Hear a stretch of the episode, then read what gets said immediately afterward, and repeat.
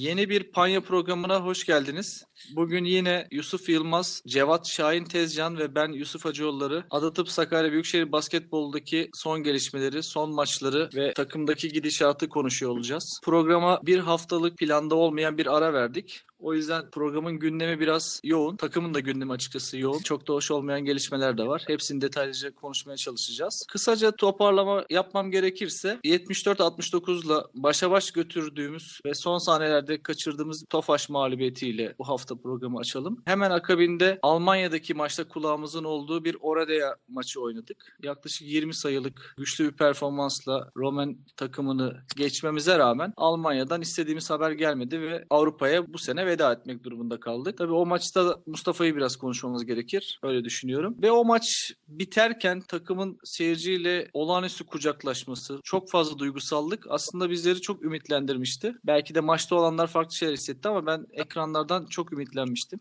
açıkçası. Bir şeylerin sinyalini takım o gün vermeye başladı ve hafta sonunda yani geçtiğimiz hafta sonu oynanan Karşıyaka maçı öncesi takımdan çatlak sesler geldi. Önce 2-3 aydır konuşulan maddi zorlukların su yüzüne çıktığını gördük. Ennoko'nun sözleşme fesiyle başlayan karamsar bir tabloyla şu an karşı karşıyayız. Karşıyaka maçı tabii bu atmosferde oynandı. Çok demotive bir takım. Sıfır konsantrasyonda kötü bir maç geçti. Ve tabii son haftada milli maç arası oldu. Uzun bir süreden bahsediyoruz. Arada çok şey oldu. Koçumuz değişti. Takımın gidişatı ve yönetim statüsüyle ilgili bilinmeyenler halen var. Ben lafı çok uzatmadan maçlara dönmek istiyorum. Çünkü yani biraz amiyane bir tabir olacak ama enseyi karartmadan bence biz işimize ve şehirdeki spora odaklanalım. Maçları konuşalım dilerseniz. Yusuf Hocam Tofaş maçını ile başlayalım. Yani maç maçla gitmemize gerek yok. Şöyle genel bir çerçeve alırsak e, yönetimsel sıkıntılar haricindeki maçlara odaklanarak son 3 maç senin yorumlarını alalım. Abi izleyenler hatırlayacaktır. Titanic filminde meşhur bir sahne var. Gemi batarken e, orkestra çalmaya devam ediyor. E, hiçbir şey olmamış gibi ama e, şimdi bunun gibi hissediyorum ben de bu programı yaparken. Maalesef gemi batıyor. Bunu söylemek çok acı. Gerçekten çok içimi acıtıyor. Çünkü çok büyük emekler, çok büyük yatırımlar var bu takımın arkasında. Ama bir şekilde mümkün olduğunca senin dediğin gibi olumlu bakmaya çalışarak biz yine her şey devam edecekmiş gibi programı yapacağız. İnşallah biz yanılırız, işleri iyiye gider ama pek de böyle gözükmüyor. Maçlara dönersek abi, Tofaş maçından önce dinleyicilerimiz hatırlayacaklar maçın ki konusu olarak Meya ve e, Garrett'ı performansını e, yavaşlatmayı söylemiştik. Hemen hemen de aynısı oldu. İlk yarıda Garrett neredeyse hiç maçın içine giremedi. Bayağı önde götürdük biz maçı. Fakat ikinci yarı tabii onu durdurmayı başaramayınca üst üste attığı sayılarla birebir oyunlarda bulduğu sayılarla bizi yıkan isim oldu Garrett. Buna rağmen yani bu kadar sıkıntıya rağmen size iki tane istatistik vereceğim ki çok üzüleceğiz yani gerçekten de. Salamu 8'de 1, Tony Douglas 10'da 4 ile üçlük attı o maçta. Yani üçlük yüzdeleri bu iki oyuncumuzun biraz daha iyi olsa biz bugün bu maçtan aldığımız galibiyeti konuşuyor olacak. Nasip değilmiş diyelim. Orada maçını ben çok konuşmak istemiyorum.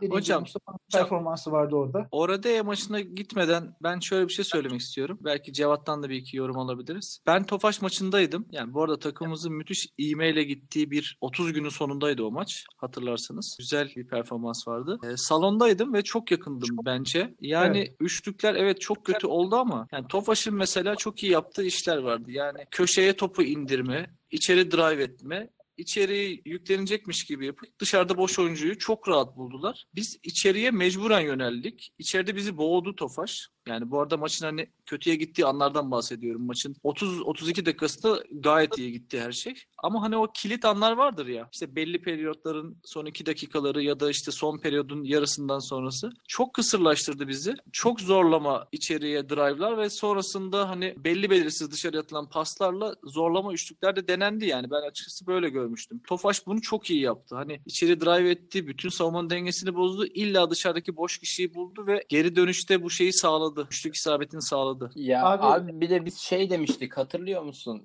Bundan önce benle birlikte iki, iki program çekmiştik. Biz bunlarda hep biz üçüncü periyot iyi oynuyoruz demiştik.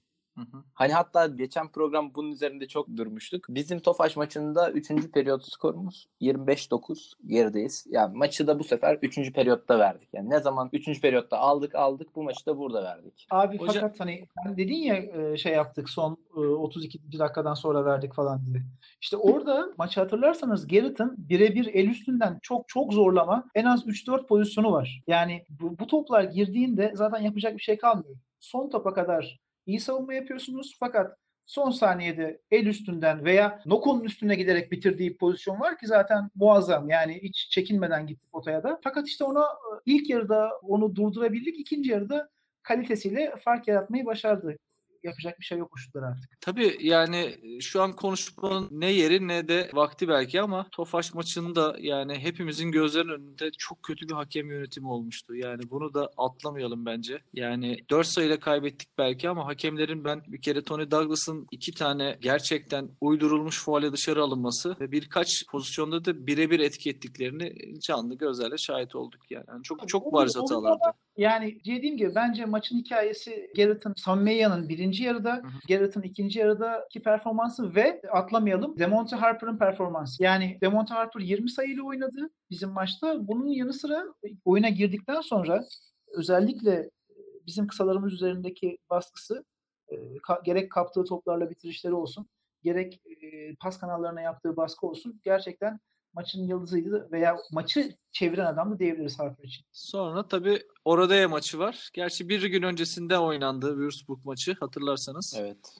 Çok garip bir maç oldu ve Leiden biraz alırmış gibi yaptığı maçı gayet rahat bir şekilde verdi Würzburg'a. Ve biz de hani biraz formalite maçı oynadık. Benim beklediğimden daha üstün bir konsantrasyon vardı maçta. Öyle gördüm en azından. Ee, çok da güzel bir performans. 20 sayı ya da 20 sayı üzerinde bir farkla maçı kazandık. Aslında bu konsantrasyonun altında belki de başka bir şey yatıyormuş. Takımın e, biz tabii o gün bilemezdik ama son kez bir arada oynadığı maç oldu diyebiliriz. Cevat sen Oradaya maçını takip edebildin mi? Neler söylemek Oradaya istersin? maçını takip edebildim yani. Oradaya maçında zaten takım performansı öne çıktı ama daha çok da Mustafa Kırcalı. Ya ben Mustafa Kırcalı'yı izlerken zevk aldım ya o maç. Hani bir smacı vardı hatırlıyor musunuz? Sol soldan gelip vurmuştu. e, o maçta böyle oynaması bizim gelecek için umut vericiydi çok çünkü zaten Noko gitti. E, yerini kim dolduracak hiç bilmiyoruz ama mesela ben yarınki İBB maçında Mustafa'dan çok umutluyum. Bilmiyorum. Yani Mustafa bana çok ümit verdi o maç. Evet ya o maç aslında bizim bu grupta hani finansal olarak hiçbir problemimiz olmasa yani şu an tabii filmi geri sarıp düşündüğümüzde bu belki de böyle sağlıklı düşünebiliyoruz. Ya ben takımın neredeyse her maçı alıp sonra da kendi isteğiyle yani tamam artık oynamıyorum. Hani maçı vermek anlamında değil ama ya oynamıyorum. Olması gereken Vites bu düş- maç skorlarıydı. Zaten son iki maçta bu şekilde Evet. kazandık hatırlıyorsunuz. Bir önceki maçı da böyle kazandı. Evet. Würzburg karşısında. Yani, Yani aslında o- o- bu kadar ağır basması gerekiyordu. Yani Aynen öyle. kalite Ya, çok kalite farkımız vardı ama istedikleri zaman bizim oyuncular vites yükselttiler. istedikleri zaman durdular. Mesaj verdiler. Bunları yaşadık. Ee, ya benim için orada ya maçı evet Mustafa e, ön plana çıktı. Yani gurur da duyduk ama yani bence orada hani hocam yani yanılıyorsam sen de araya gir düzelt. Çok abartmamak lazım o performansı. Hani şeyden düşmüş bir takım ne derler. Artık amaç yitirmiş bir rakip. İki, iki Ee, takımın belliydi abi. Yani formalite maçı. Yani hani çok süre verildi. Hani Mustafa'nın bazı pozisyonlar çok fazla zorladığını da gördük ve hani artık nasıl söyleyeyim 19 18 yaşlarında değil Mustafa. Tahminimce 21 yaşın üzerinde ve 3 yıldır bizde. Bu gelişmeyi daha erkenden gösteriyor olması gerektiğini ben düşünüyorum. Ama Ee, uzunlar biraz geç yapıyor abi. Olgunlaşması biraz kısalara göre daha Hı uzun sürüyor uzunların. Onu da atlamayalım. Mustafa gerçekten tabii. çok iyi niyetli çalışan bir çocuk. Ben yaklaşık dediğin gibi 3 yıldan beri antrenmanları da takip ediyorum. Yani çok farklı uzunlar vardı Mustafa ile beraber. Mustafa her birinden bir şeyler öğrenmeye, kendini geliştirmeye çok gayret ediyor. Özellikle koçun uyarılarına algısı çok açık. Dediğim gibi biraz daha uzunların geç olgunlaştığını aklımızdan çıkarmamak lazım. Hocam Ama şey- e, sana bir sorum olsa benim. Şimdi Ozan Bulkaz'ın uzunlarla iyi çalıştığını biliyoruz. Mustafa'ya çok şey kat- katabilir mi Ozan Bulkaz? Kısa bir cevap verip geçeyim ben hemen. Evet ben öyle yapalım. ha. Çünkü bu hani Ozan Bukaz ve etkisini daha sonra konuşalım daha iyi olur diye düşünüyorum. Fakat şöyle bir cevap olsun. Ben kısa vadede bir etki yapacağını düşünmüyorum. Çünkü Ozan Bukaz'ın çalışmayı sevdiği ve parlattığı uzunlara bakarsak abi hepsi atletik oyuncular. Evet. Ee, yani Ken Burch'ten tutun, Zach. August'a, Eric Buckner'a yani kime hangisine bakarsanız bakın veya geçen sene Trabzon'da Obekpa'ya bunların hepsi inanılmaz atlet olan uzunlar. Çember altında bitiriciliği çok iyi olan uzunlar. Mustafa atletizm konusunda çok önde gelen yani Mustafa'nın özelliklerini saydığınızda atletizmi ilk üçe yazamazsınız. O yüzden ben kısa vade içinde çok büyük bir etkisi olacağını düşünmüyorum. Yani Mustafa da benim o gün en çok beğendiğim konu şu oldu açık söyleyeyim. Yani bir blok yaptıktan sonra ya da bir ekstra bir rebound aldıktan sonra rebound normalde de zaten güçlü taraflarından biri Mustafa'nın ya da bir sayı attıktan sonra geri koşarken gülmesiydi. Yani çok hoşuma gitti. yani Abi, belki O antrenmandaki emeğinin karşılığını aldığını görünce insan çok seviniyor. Çünkü yani evet Ee, evet. Mustafa Mustafa hep e, işte bu yabancıların garbage time dediği artık işin bittiği zamanlarda oyuna girdi şimdiye kadar. Yani Evet. hemen hemen e, çok e, etki edecek, maçın sonucunu etki edecek bir alanda oynamadı. Ama e, yıllar sonunda emeklerinizin boşa gitmediğini gördüğünüzde ister istemez seviniyorsunuz. Çok da hak etti, çok da yakıştı. Karşıyaka maçıyla ilgili neler söylersiniz? Yani e, o maç öncesinde tabii bazı haberler aldık. Onları ilerleyen şeyde konuşalım. Eksik gittik, kafa karışıklığıyla gittik. Hani bir ara hani takım çıkacak mı diye de düşündük yani açık söyleyeyim maça. Ya beklendiği gibi de Abi artık sıkıntılı bir maç Yani- oldu. konuşurken yavaş yavaş takımın gerçekleriyle de e, yüzleşmemiz lazım. Yani o haberlerle beraber konuşmamız Evet. lazım. Tabii. Çünkü takım Karşıyaka maçına çıktığında e, neredeyse 15 gündür hiç idman yapmamıştı. Yani maalesef bun, bunları söylemek canımızı acıtıyor ama şöyle düşünelim.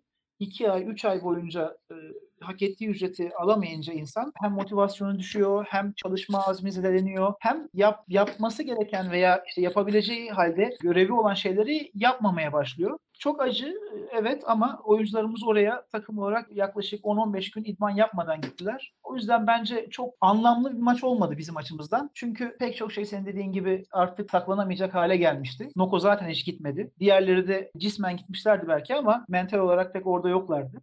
Dönüş biletleri hazırdı hocam. Yani hepimiz gördük. Aynen. İzmir'den Paris'e döndü adam. Etu. E, Yani evet. Ya tabii milli maç arası falan da gidiyordu ama ben yani daha ziyade oradaki sıkıntının artık ayyuka çıkan problemler olduğunu düşünüyorum. Zaten az sonra da konuşacağız. Selçuk Hoca ayrıldı. Arkasından işte bugün aldığımız haberle Ertan Belir takımın kondisyoneri, şu onun yanında yine yardımcı antrenörler Rüçhan Tamsöz, Semih Soruksu takımdan ayrıldılar. Bunların ışığında değerlendirmek lazım Karşıyaka maçını. Ya benim için de Karşıyaka maçı açıkçası beklenen sondu. Zaten biz bunu hani konuşuyorduk Karşıyaka maçının nasıl olacağını bekliyorduk. Ya beklediğimiz gibi de oldu. Yani niye mücadele etsinler ki oy- oyuncular? Sonuçta o emeğin karşılığı verilmemiş. Ya Yani- mücadele etsinler etmesinler mi? Yok şu açıdan diyorum ben. Yani evet belki mücadele de eksikti ama şimdi basketbol maçlarından önce sizin de bildiğiniz gibi artık takım takım çalışılıyor. Yani sizin bir evet hücum stratejiniz var ama genel olarak veya savunma stratejiniz. Diğer takımın artılarına eksilerine göre hafta içinde çalışıp gidiyorsunuz. Yani at- atıyorum işte Berk Uğurlu'yla Mare'yi ikili oyun oynadığında Berk ne yapar? E- eğilimleri ne yönde? Mare'yi topu aldığında solundan mı dönmeyi daha çok seviyor, sağından mı dönmeyi daha çok seviyor? Veya işte Sek hangi pozisyonlarda kendi bitirmeyi seviyor, hangi pozisyonlarda asist yapıyor? Bunların hepsi videolarla çalışılıp yapılan şeyler. Şimdi bunların hiçbiri olmayınca ister istemez takım genel olarak bir şeyler oynamaya çalıştı. E, O da bu seviyelerde kabul edilebilir bir şey değil. E, Çünkü e, gördüğünüz 30'luk o. 30 sayılık bir fark oluştu maçta. Hiç ummadığımız bir fark oldu. Yani ben şöyle bir şey söylemek istiyorum. Profesyonel oyuncular yani ücretlerini 2 ay, 2,5 ay, 3 ay yerden almaları mı e, bu motivasyonu bitirdi yoksa bir ümit ya da bir vizyon görmemiş olmaları mı e, buna sebep oldu? Bunu bence iyi düşünmek lazım. Bence esas eksik olan şey hani evet bir şeyler ödenemez ama bir süre verilir, bir strateji bellidir şu gün şu dönem yapılacak bundan sonra böyle olacak gibi hani işin yönünü belirler yönetim. Bence eksik olan buydu. Eksik olan umuttu. Umudun bittiği yerde en profesyonel olanlar bugün çıktığında en kolay iş bulacak adamlar en önce terk ettiler. Yani bunların başında da Noko geldi. Ardından Douglas'ı duyduk. Salomon'un da evet milli maç arasından sonra dönmeyeceği kesinleşti. O da söz, sözleşmesini feshetti. Yani işte yabancıların iyi olduğu maçlar onları kazanıyoruz. Yerlilerde destek verdiği zaman Efes'i bile yenebiliyoruz gibi şeyler konuşuyorduk. Yabancılar dediğimizde tabii Eto'yu bunun dışına tutuyorum ama yani 3 tane gerçekten kaliteli adamımız. Bunlardan iki tanesi müthiş performans da koydu. Yani hem Douglas hem Noko müthiş İkisi de performans. Euroleague seviyesinde zaten. Evet, evet, müthiş performanslar. Ben de onu söyleyeceğim. Cevat'ın dediği gibi abi şimdi Do- Douglas'ın gittiği takım Euroleague'de oynuyor. Noko yarın bir gün herhangi bir Euroleague takımıyla anlaşsa kimse, kimse şaşırmaz. Niye gitti demez yani. Zaten Salamon'un İspanya'dan bir takımla adı alınıyor. Yani bunlar gerçekten çok çok çok bizim için çok kaliteli oyunculardı. Maalesef yararlanamadık. Yani çok eksildiğimizi ben açıkçası düşünüyorum. Ee, ama yani tekrar edeyim. Orada bu adamların havlu atmasındaki sebep bence para ödenmemesi değil. Artık yöneticilerde de ümidin bittiğini görmüş olmalarıydı. Buna kesinlikle inandım diyebilirim. Neyi ekleyebiliriz burada? İşte son 2-3 gün ya da bir hafta önce de Selçuk Hoca'nın tabii şöyle dekla- deklare edildi. Takımın devamlılığı için hani yüksek maliyetli bir hocanın e, takımın devamlılığı için yaptığı fedakarlık olarak lanse edildi. Hemen akabinde yeni koçla anlaşma yapıldı. Trabzon'dan ve Uşak Sportif'ten hatırlıyoruz. Ozan Bulkas. Ozan Bukas, evet. Okan diyecektim bu arada. Ozan Bukas. Okan Ee, yani-. Yani hocadan başlayarak bir genel toparlama yapalım. En sonunda isterseniz kadroyu konuşalım. Daha sonra da yönetimsel konulara geçelim. Yani Ya, Ozan Hoca'dan ben bahsedebilirim biraz. Ozan Hoca zaten sürekli Uşak Sportif'te çalışan bir hocaydı. Yanılmıyorsam bir 4 sezon falan Uşa Uşak'ı çalıştırdı. Alttan Daha aldı diye hatırlıyorum ben. Yani alttan getirdi diye hatırlıyorum. Sonra yukarıda da çalıştılar. Ondan sonra geçen sene Uşak Sportif'in kötü ivmesi vardı. Sonra orayı bıraktı yardımcısına Mustafa Mavili'ye. Sonra Ozan Bulkas yine düşme sıkıntısı yaşayan Trabzon'a geldi. Trabzon ligde tuttu. Hani Abi aynı şey olur mu? Umarım aynı şey olur. ben bir araya girebilir miyim abi şeyle alakalı? Tabii Ozan ki. Hoca ile alakalı. Tabii ki. Ee, şimdi Ozan Bukaz'ın e, hikayesi birazcık onu eşsiz yapıyor dersem yanılmış olmam herhalde. Şu açıdan eşsiz yapıyor. Normalde e, antrenörlüklerde e, usta çırak ilişkisi vardır. Yani siz bir e, yardımcı antrenör olarak veya genç, genç takım antrenörü olarak başlarsınız. Sonra belirli hocaların tedrisatından geçerek kendi felsefenizi oturtursunuz. Bir yerlere gelirsiniz. Bu Obradovic için de böyledir. Ee, işte Phil Jackson için de böyledir. Kimi alırsanız alın e, böyledir. Fakat Ozan Bulgaz'ın durumu biraz farklı.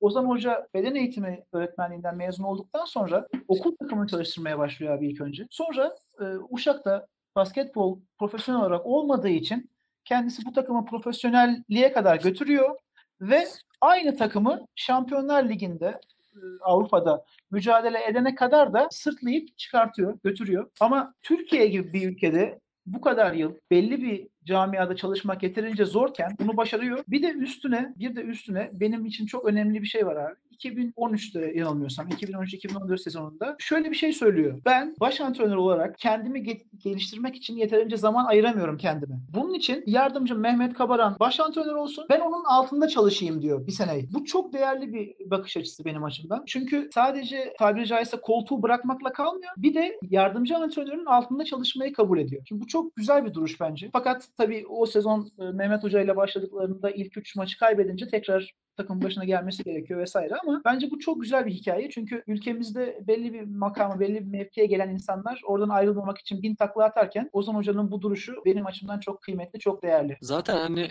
hem son hikaye hem de Cevat'ın bahsettiği performans yani bir şekilde alt liglerden alıp hatta amatörden alıp Tabii tabii aynen profesyonel öyle. seviyeye kadar takımı çıkarması, Şampiyonlar Ligi seviyesinde takımın başında olması. Hani bu hikayeleri biz işte Football Manager da belli bilgisayar oyunlarından biliyoruz değil mi? Konsol oyunlarından biliyoruz Yani. aslında. Gerçek hayatta da olabiliyor olması müthiş ilham verici bence. Kesinlikle. Peki yavaş yavaş kadroya gelirsek zaten baktığımızda dilerseniz yavaş yavaş kadroyu konuşmaya başlayalım. Yani elimizde kalan kadro nedir? Mevcut ligin sertliğiyle bu kadroyla ne kadar ilerlenebilir? Tabii bir avantaj var. Tek takım düşecek. Tüm bu koşulları, kısıtları düşünerek bir değerlendirme yapmaya başlayalım. Yani kesinleşen gidişler Landry Noko oldu. Hani ki güçlü olduğumuz yerde. Tony Douglas'ı kaybettik ve bugün bugünlerde Jean Salamon'un da Belçika'dan dönmeyeceğini, söz, sözleşmesini feshettiğini öğrenmiş olduk. Yani dört tane kuvvetli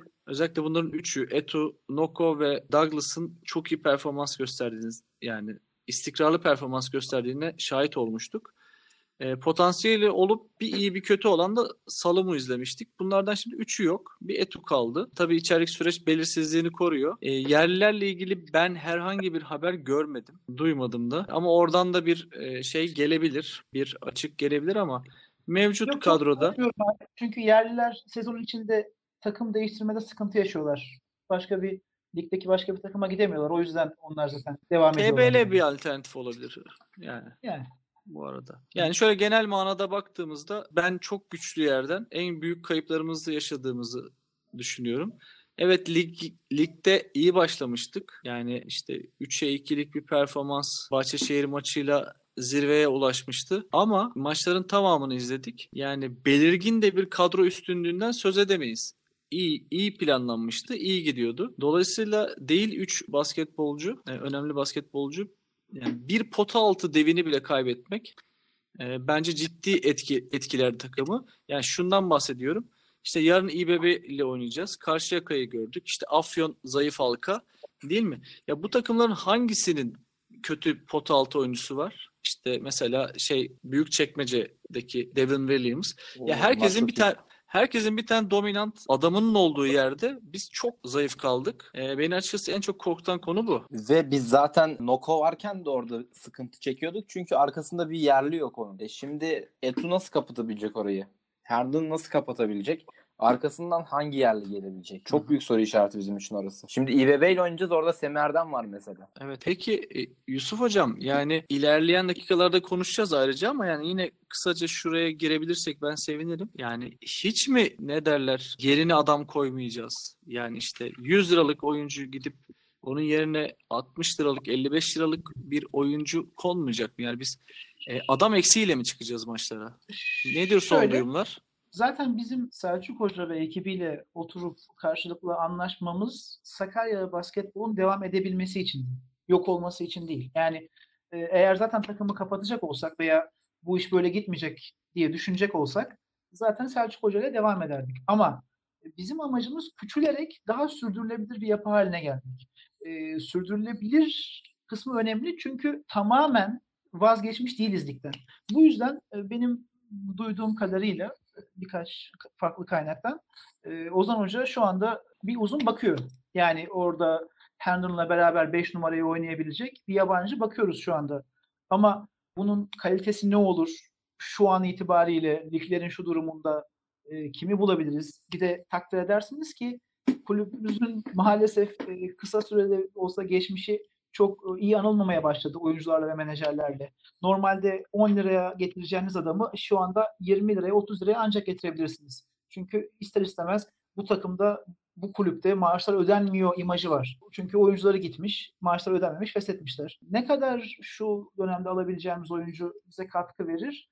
Gerçekten ben de heyecanla bekliyorum açıkçası. Cevat, senin mevcut kadroyla ya da olabilir olabilecek transferlerle ilgili beklentin, görüşün nedir? Yani Valla işte bahsettiğim gibi bizim zaten pivotun pivotta çok büyük sıkıntı yaşıyorduk. Ee, şimdi çok daha büyük sıkıntı yaşayacağız. Çünkü İB gerek İBB olsun gerek Afyon olsun ikisi de bizim artık küme düşme potasındaki çok net direkt rakibimiz bunlar bizim ve çok büyük sıkıntılar yaşayacağız. Yani keşke şu olaylar iki hafta sonra yaşansaydı da bu iki maçı da çıkarsaydık aradan. O zaman büyük yol kat etmiş olurduk ama çok zorlu bir yere girdik biz. Ozan Bulkaz'ın pivot seçimi işte çok önemli olacak burada. Abi şimdi Salamu'yla Tony Douglas gitmemiş olsa bile durumumuz gayet kötüydü. Şimdi hani kesinlikle. Ya ben Cenga aynı şeyi düşünüyorum. veya oynayanları görmüşsünüzdür. Yani Cenga'da da öyle bir an gelir ki tek bir taşı aldığınızda hepsi dökülür üzerindekilerin. Noko böyle bir oyuncuydu bizim açımızdan. Çünkü savunmanın ve hücumun başladığı yer Noko'ydu. Yani savunmada da tabiri caizse arka tarafı süpüren ve dikkat ettiyseniz biz driblingleri yani rakibin yaptığı driblingleri kenara değil de içeriye doğru süpürüyorduk. Yani çoğu takım kenara doğru götürür, onları çizgiye doğru yönlendirir. Biz içeri doğru götürüyorduk. Çünkü arkada güvenebileceğimiz bir isim vardı. Şimdi tamamen her şey değişmiş durumda. Koç değiştirmek çok e, basit bir şey değil. Niye basit bir şey değil? Çünkü koç demek felsefe demek aslında. Tabii ki basketbolun tek bir doğrusu yok. Pek çok farklı hocanın pek çok farklı doğruları var. Ama 4 ay, 5 ay boyunca çalıştığınız, yazdan beri çalıştığınız felsefeyi, sistemi bir günde şak diye değiştirmek çok mümkün değil. Atıyorum transition defense'te çözümünüz ne olacak? Veya işte birebir hücumlarda biz Ozan Hoca'nın işte çok fazla isolation yani birebir oynatmayı sevdiğini biliyoruz. Ozan Hoca'nın bakışıyla Selçuk Hoca'nın bakışı tabii ki aynı değil. Oyuncuların buradan bu sistemden Selçuk Hoca'nın sisteminden Ozan Hoca'nın sistemine adapte olması geçiş süreci zaten yeterince zor. E bir de giden oyuncuları buna eklediğimiz zaman e, gerçekten Ozan Hoca'nın biz şapkadan tavşan çıkarmasını beklemek zorundayız. Çünkü e, maalesef veriler hiç olumlu gözükmüyor şu ana kadar. Çok kötü bir süreçteyiz. Oyuncularımız gidiyor. Yeni bir hoca geldi. Ona alışmamız lazım. E, Ozan Hoca az önce söyledik. Atletik beşlerle oynamayı seviyor. Şutör takımları seviyor. Tamam belki elimizde işte Alp gibi şutu iyi olan bir oyuncu var ama içeri, içeriden dominant bir oyuncunuz olmadığı zaman dışarıyı çok net kullanamıyorsunuz. Çünkü bu sefer baskı içeride kalmamış oluyor. Dışarıyı daha net kontrol edebiliyor rakip takımlar. Ama Noko gibi dominant bir pivotunuz olsa dışarıdan daha net şut bulabiliyorsunuz. Hoca- Ozan Hoca'nın sistemi şimdiye kadar hep isolation üzerinden veya işte dışarıdan üçlükler üzerindendi. Belki hatırlayacaksınız Uşak'ta Justin Carter çok önemli işler yaptı. Yine Cevat'ın sorduğu soruyla hatırladığımız Cambridge Euroleague yaptı. Yani bu çok e, basit bir seviye değil. Zach August Euroleague yaptı Uşak'tan sonra. Bunlar hep önemli sıçramalar. Demek ki bu oyuncularla bir şeyler yapabilmiş. Ama dediğim gibi bu kadroyu kendisi kurmadı. Ee, bizim burada en iyi senaryo olarak görebileceğimiz şey Trabzon'da yaptığını bizde de yapmasını beklemek. Ama dediğim gibi Trabzon'un yabancılarından da bazıları gitmişti ama yine orada Obekva, Vasiliauskas, Eldridge gibi gayet Ozan Hoca'nın sistemiyle uyumlu işler yapabilecek oyuncular vardı. İnşallah, inşallah aynı reaksiyonu bizim takımımız da verir ve biz ligde tutunuruz. Abi benim de şöyle bir sorum var. Mesela siz bu takımın başına geldiniz. Bir hafta sonra ya bir buçuk hafta içinde iki hedef maç oynayacaksınız ve sizin takım lideriniz yok yani. Bu takımda kimi lider yapabilirsiniz ki? Wilbeck'in mi? Hayır. Şafak Edge belki. Şafak Edge'den Abi- başka öne çıkan bir oyuncu yok şu an Zaten kadroda. şu- özellikle İBB maçında teknik ve taktik detaylardan ziyade mücadeleyle biz maçı kazanabiliriz ancak. Çünkü dediğim gibi bir anda pek çok şey farklı değişken oluyor takımda. Bunlara adapte olmak çok zor. Örneğin atıyorum herhangi bir hücum setinde bile bir hocanın farklı dokunuşları olabilirken siz baştan sona bir maç boyunca uygulayacağınız hücum setlerini 3 günde 4 günde öğretemezsiniz. Oyuncular da buna alışamaz. Burada oyuncuların yapabileceği veya bizim takımın yapabileceği, Ozan Hoca'nın güvenebileceği sadece şu. Oyuncuların, kalan oyuncuların iyi reaksiyon verip mücadele ederek maçın içinde kalmaya çalışması. Bunun dışında bizim işte teknik olarak veya taktik olarak maça hazırlanma için ne yeterli süremiz ne yeterli personelimiz var.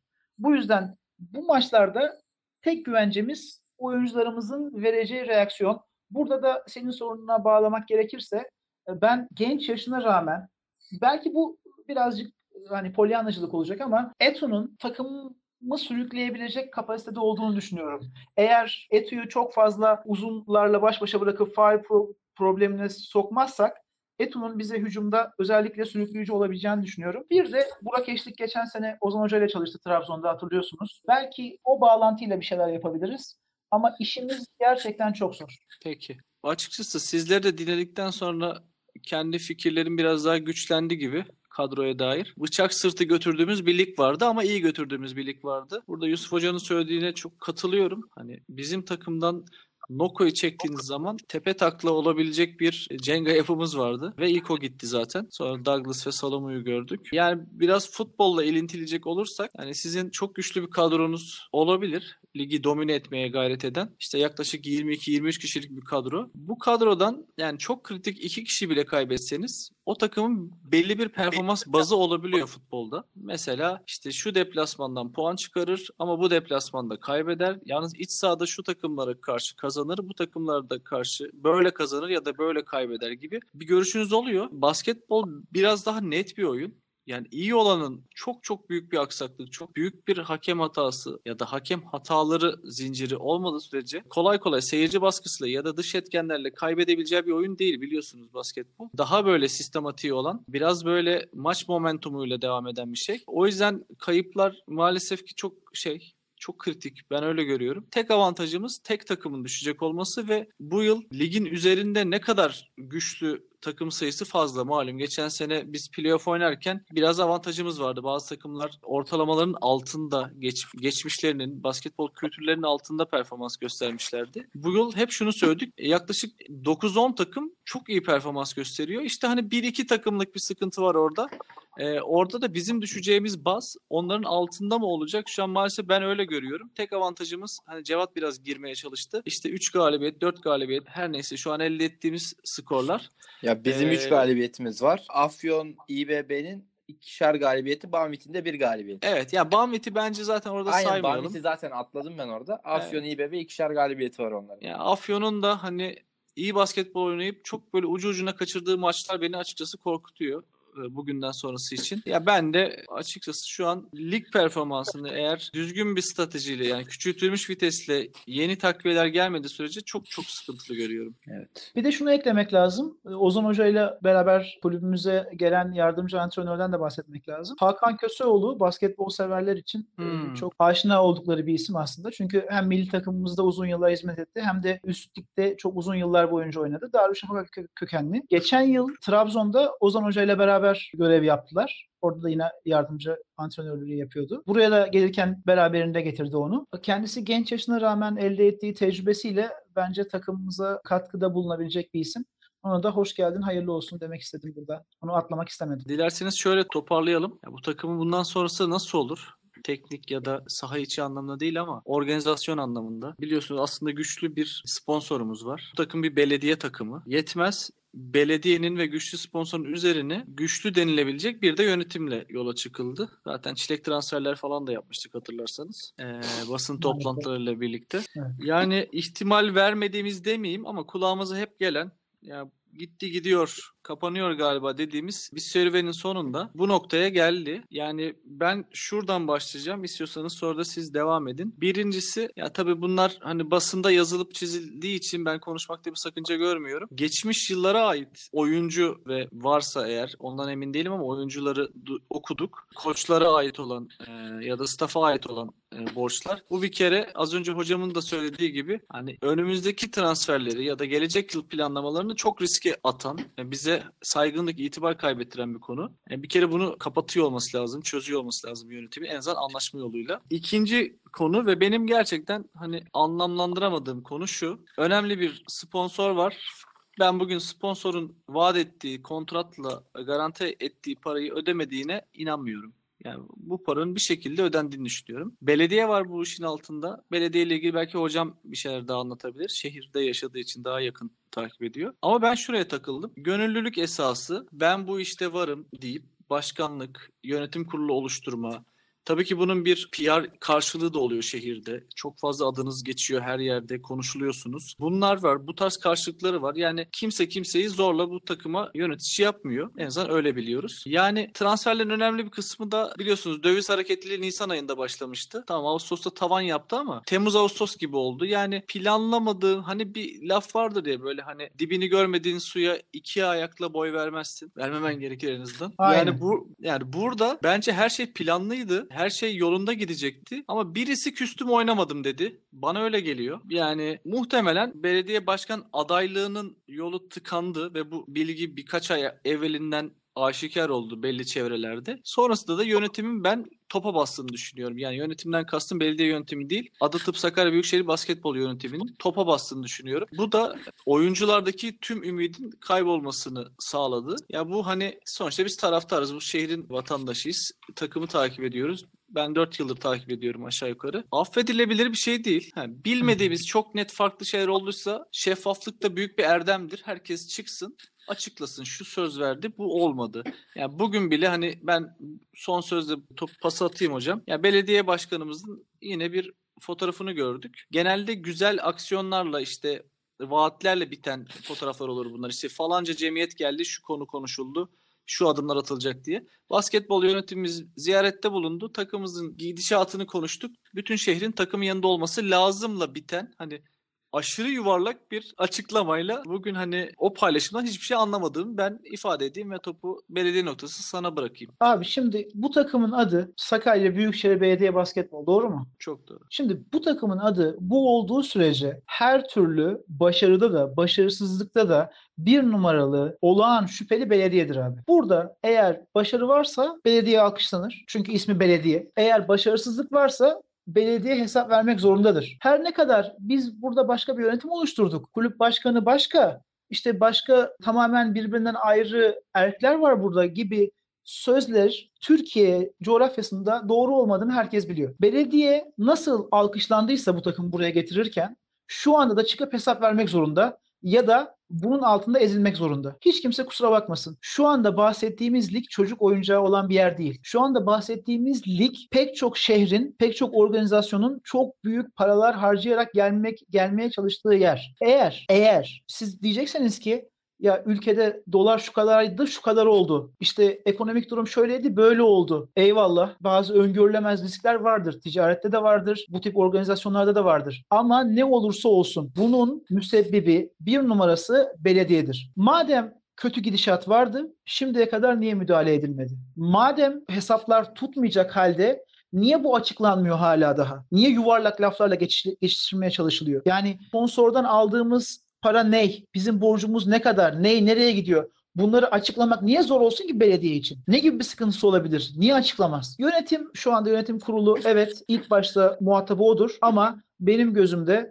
takım buradaysa takımın adı belediye basket olduğu sürece bir numaralı hesap vermesi gereken merci belediyedir. Ya kesinlikle katılıyorum. Bu arada araya gireyim. Tam 1 dakika 50 saniyemiz var. Yavaş yavaş toparlayıp kapatalım. Olur mu? Buyur abi. Bence burada bu konuya e, bir virgül koyalım. Gelecek programlarda devam edelim. Yol haritası nasıl olmalı? Şehirde hangi dinamikler bu işin bu taşın altına elini koymalı? Belediye devre arasına kadar takımı idare edip devre arasından sonra bir kan değişikliğine mi gitmeli? Tüm bu konuları, süreçleri konuşalım. E, bizlerin de mutlaka ortaya koyacağı öneriler olabilir. Onları da tartışırız. Bence son saniyelerimizi güzel bir şey konuşarak geçirelim. E, Belediye maçının biletleri bedava. Herkes maça gitsin abi. Süper. Ya, geç kalınmış bir aksiyon. Ya benim esas söylemek istediğim konu şuydu. Gelecek program isterseniz bunun üzerine biraz duralım. 80'lerin sonunda Türkiye'de yayınlanan aslında Amerika'da 80'leri kasıp kavuran ve hepimize basketbolu sevdiren Beyaz Gölge dizisinin 40. yılıydı geçtiğimiz bir hafta önce. Bununla ilgili çeşitli makaleler yayınlandı. Ya o günlere götürdü beni. Yani ben muhtemelen 89 ya da 90 yılında izlemiştim TRT'de. Hepimizi heyecanlandıran bir şeydi. Yani böyle güzel şeyler olsun basketbolda. Biz de bu güzellikten kopmayalım. Bu şehrin buna ihtiyacı var diyorum. Ben katkılar için herkese teşekkür ediyorum. Panya'nın gelecek programlarında görüşmek üzere. Görüşmek üzere. Görüşmek üzere. Hoşçakalın.